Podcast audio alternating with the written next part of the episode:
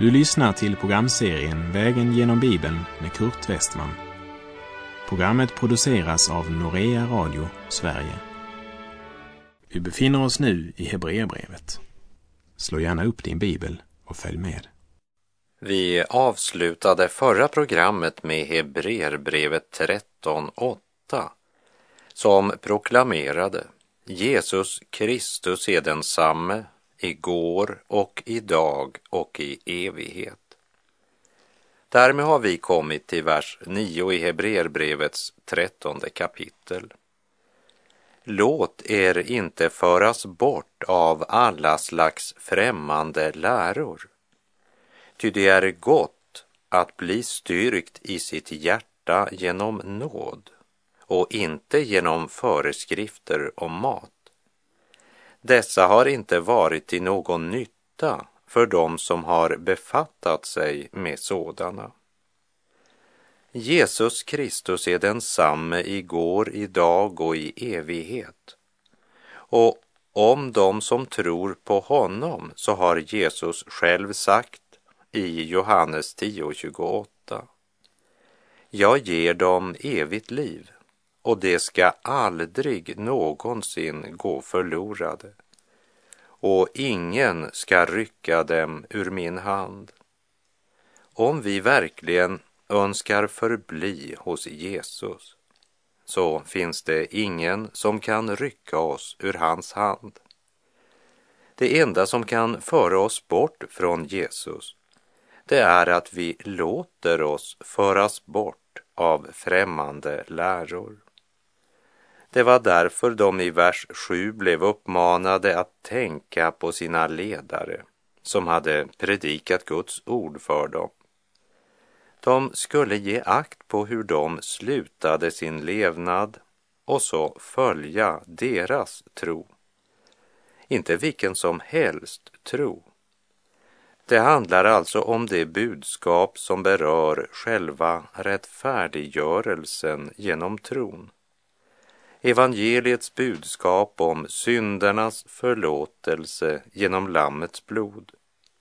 Här är det viktigt att ha klart för sig att det inte handlar om de tolkningsnyanser som kan skilja mellan baptister, lutheraner, metodister eller pingstvänner eller någon annan församling. Det är inte det som ligger i ordet främmande läror. Vi ska akta oss så att vi inte gör vägen smalare än den är. Det gjorde fariseerna och de skriftlärda. De blev så upptagna av att kunna sila bort myggen att de inte märkte att de svalde kamelerna. Och så blev deras tro bara ett bevakande av deras regler och istället för en ström i deras inre så blev tron bara en bok under armen. Låt er inte föras bort av alla slags främmande läror.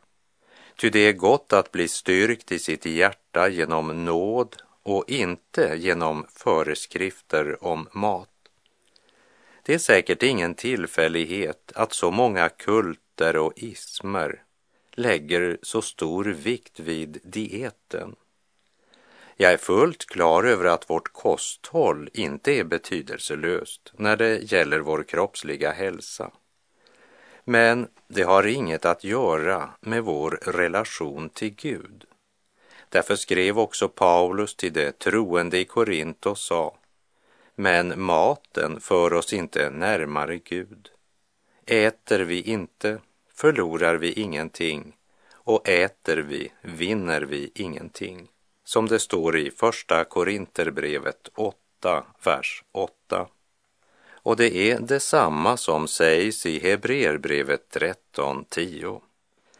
Låt dig inte föras in i människobud, regler och ritual angående mat och dryck utan se till att du blir styrkt i din inre människa genom nåd. Låt Kristi ord rikligt bo hos er med all sin vishet. undervisa och förmana varandra med salmer, hymner och andliga sånger och sjung med tacksamhet Guds lov i era hjärtan, som Paulus skrev till de troende i Kolosse i kapitel 3, vers 16. Guds ord bygger upp och styrker trons liv. Men det sker bara om studiet av skriften får leda dig till personen Jesus Kristus. Guds ord utan Andens uppenbarelse, det blir bara teologi och teori. En bok under armen istället för en ström i ditt inre. Vi minns från vår vandring genom Esra bok och Nehemja bok att både prästen Esra och lekmannen Nehemja var personer som flitigt studerade Guds ord och deras liv präglades av Guds fruktan och viljan att inrätta sitt liv efter Guds ord. Och när de skulle gå till handling vände de sig alltid först till Gud.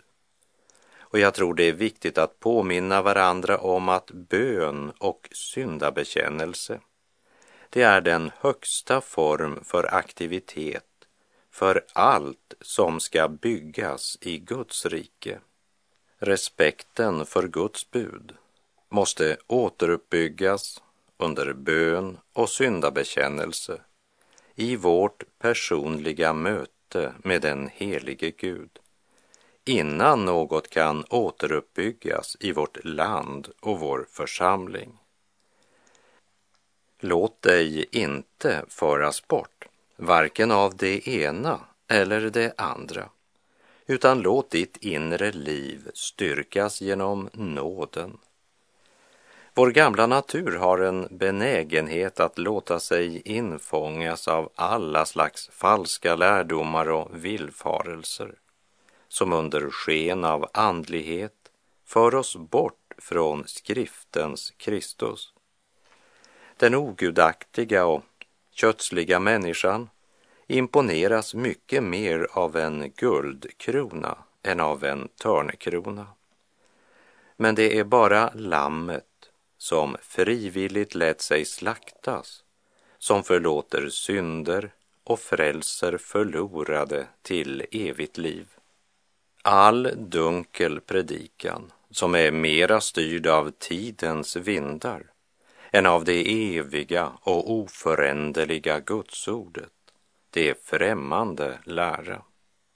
Och allt av mänskliga regler, traditioner och påbud angående hur omvändelsens verk måste ske är främmande läror som för oss bort från den personliga gemenskapen med Kristus. Och Peter Fjellstedt, han skrev redan på 1800-talet alla som söka rättfärdighet inför Gud på sådant sätt eller i någonting som är utom Kristus har intet gagn av det, utan blott skada. Nej, inte ens själva renlärigheten, inte ens själva evangelium gagnar människan, då det sätts istället för den levande Kristus själv, så att människan istället för Jesus bara fattar vissa ord och vissa tankar och känslor istället för Kristi ande, bara en viss samfunds ande. Så långt Peter Fjellstedt. Låt er inte föras bort av alla slags främmande läror, ty det är gott att bli styrkt i sitt hjärta genom nåd. Och då talar jag om den nåd som skriften talar om. Den nåd som skapar liv och som bär rik frukt i den troendes liv.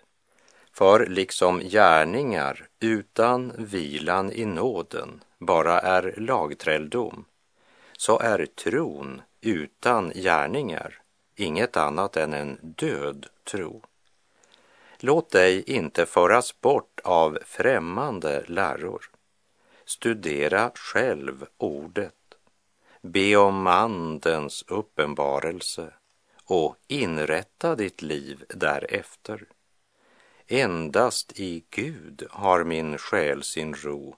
Han är min fasta borg.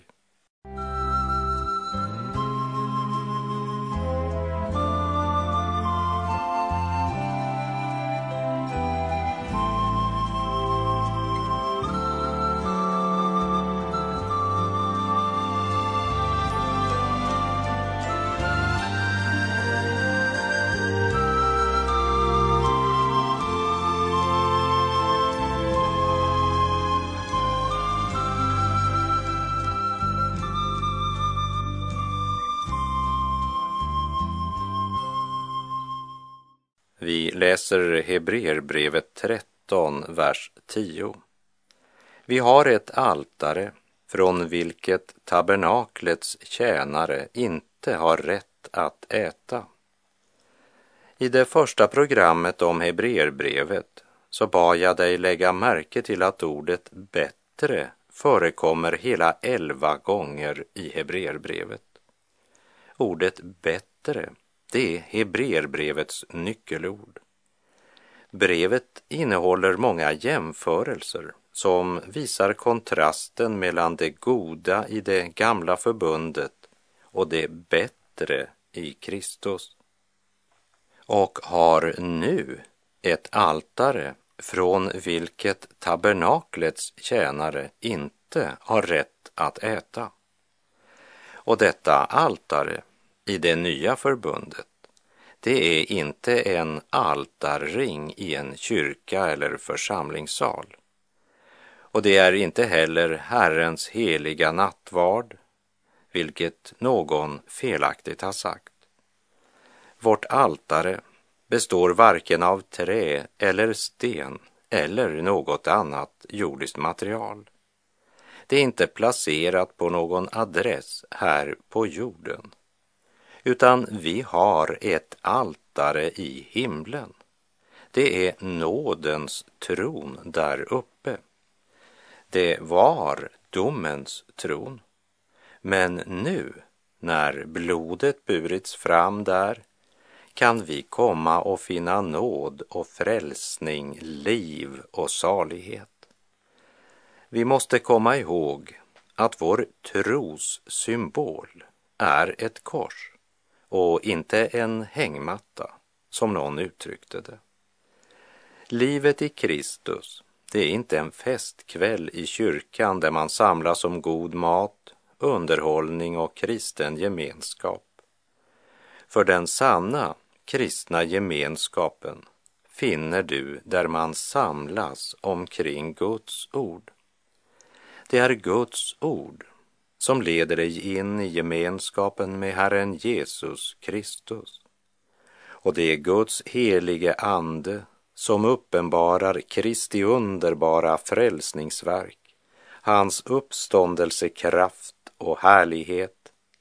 När det i Hebreerbrevet 13.10 blir sagt, vi har ett altare från vilket tabernaklets tjänare inte har rätt att äta så ska vi komma ihåg att i templet fortsatte de levitiska prästerna att frambära offer. Och prästerna hade som en del av sin lön rätt att äta av köttet från de vanliga offerdjuren. Men det var ett offer som de aldrig hade rätt att äta av. Och det var syndoffret som blev framburet på den stora försoningsdagen. Jag citerar tredje Mosebok kapitel 6, vers 30. Men inget syndoffer av vars blod något bärs in i uppenbarelsetältet till att bringa försoning i helgedomen får ätas. Det skall brännas upp i eld.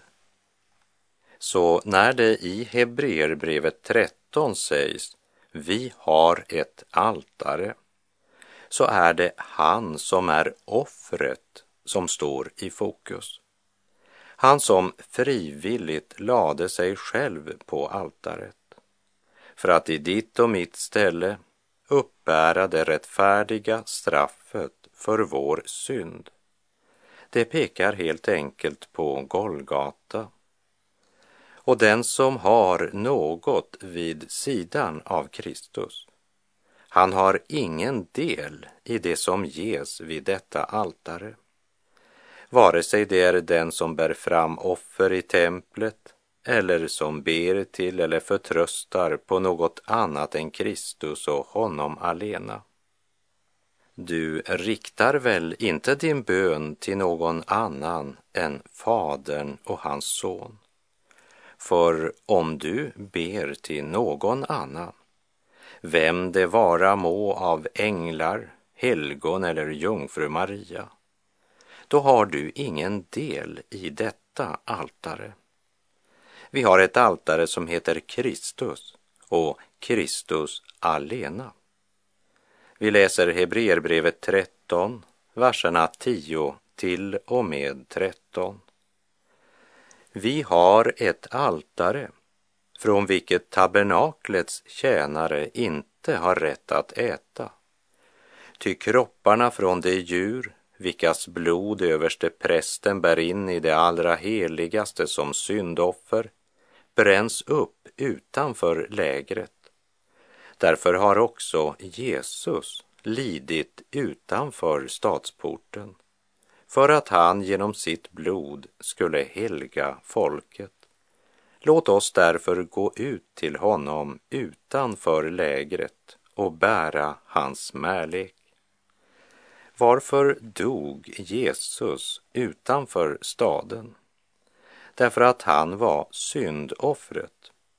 Och kropparna från de djur vilkas blod överste prästen bar in i det allra heligaste som syndoffer, de brändes upp utanför lägret. Därför har också Jesus lidit utanför stadsporten, för att han genom sitt eget blod skulle helga folket. Det är som författaren säger, var inte rädd för att lämna templet. Var inte ovilliga att lämna de religiösa ritualen och ceremonierna, för de kan inte hjälpa er. Kristus är huvudet och Herre i det nya förbundet. Låt oss därför gå ut till honom. Nu är det inte en byggnad, ett ritual eller en organisation. Nu är det en person det hela rör sig om. Låt oss därför gå ut till honom.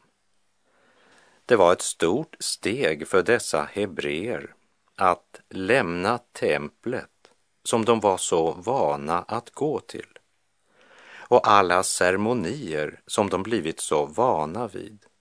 Allt detta som de förknippade med gudstjänst.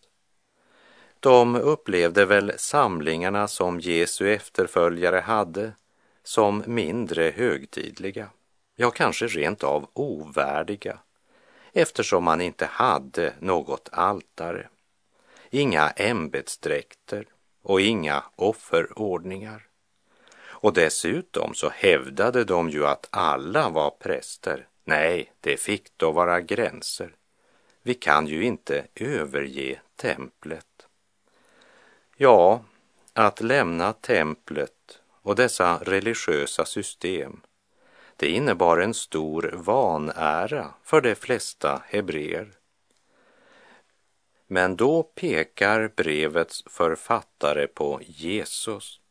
Han tog frivilligt på sig vanäran. Låt oss följa honom, inte bara i bekännelse men också i praktisk handling. Låt oss därför gå ut till honom utanför lägret och bära hans smärlek. Vi är kallade att gå ut, inte i försagdhet och missmod för att bära smärleken. Ty den ande som Gud har gett oss gör oss inte modlösa, utan är kraftens, kärlekens och självbehärskningens ande. Därför ska vi gå med frimodig glädje, alltid bedjande och med en lovsång både i vårt hjärta och på våra läppar.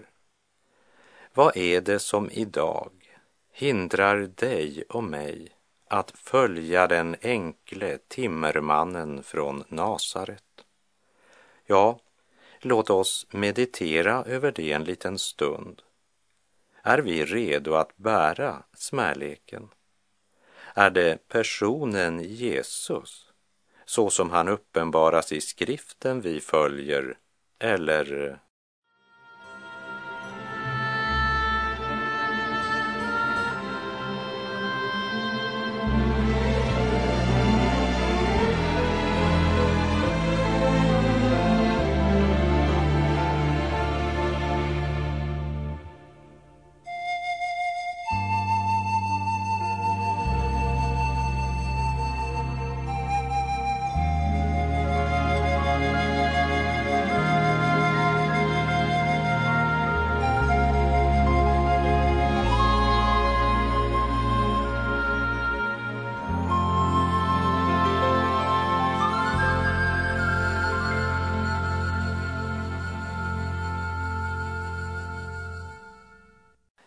Efter uppmaningen att gå ut till Kristus utanför lägret och bära hans märlek så kommer en begrundelse som säger oss varför vi borde göra det.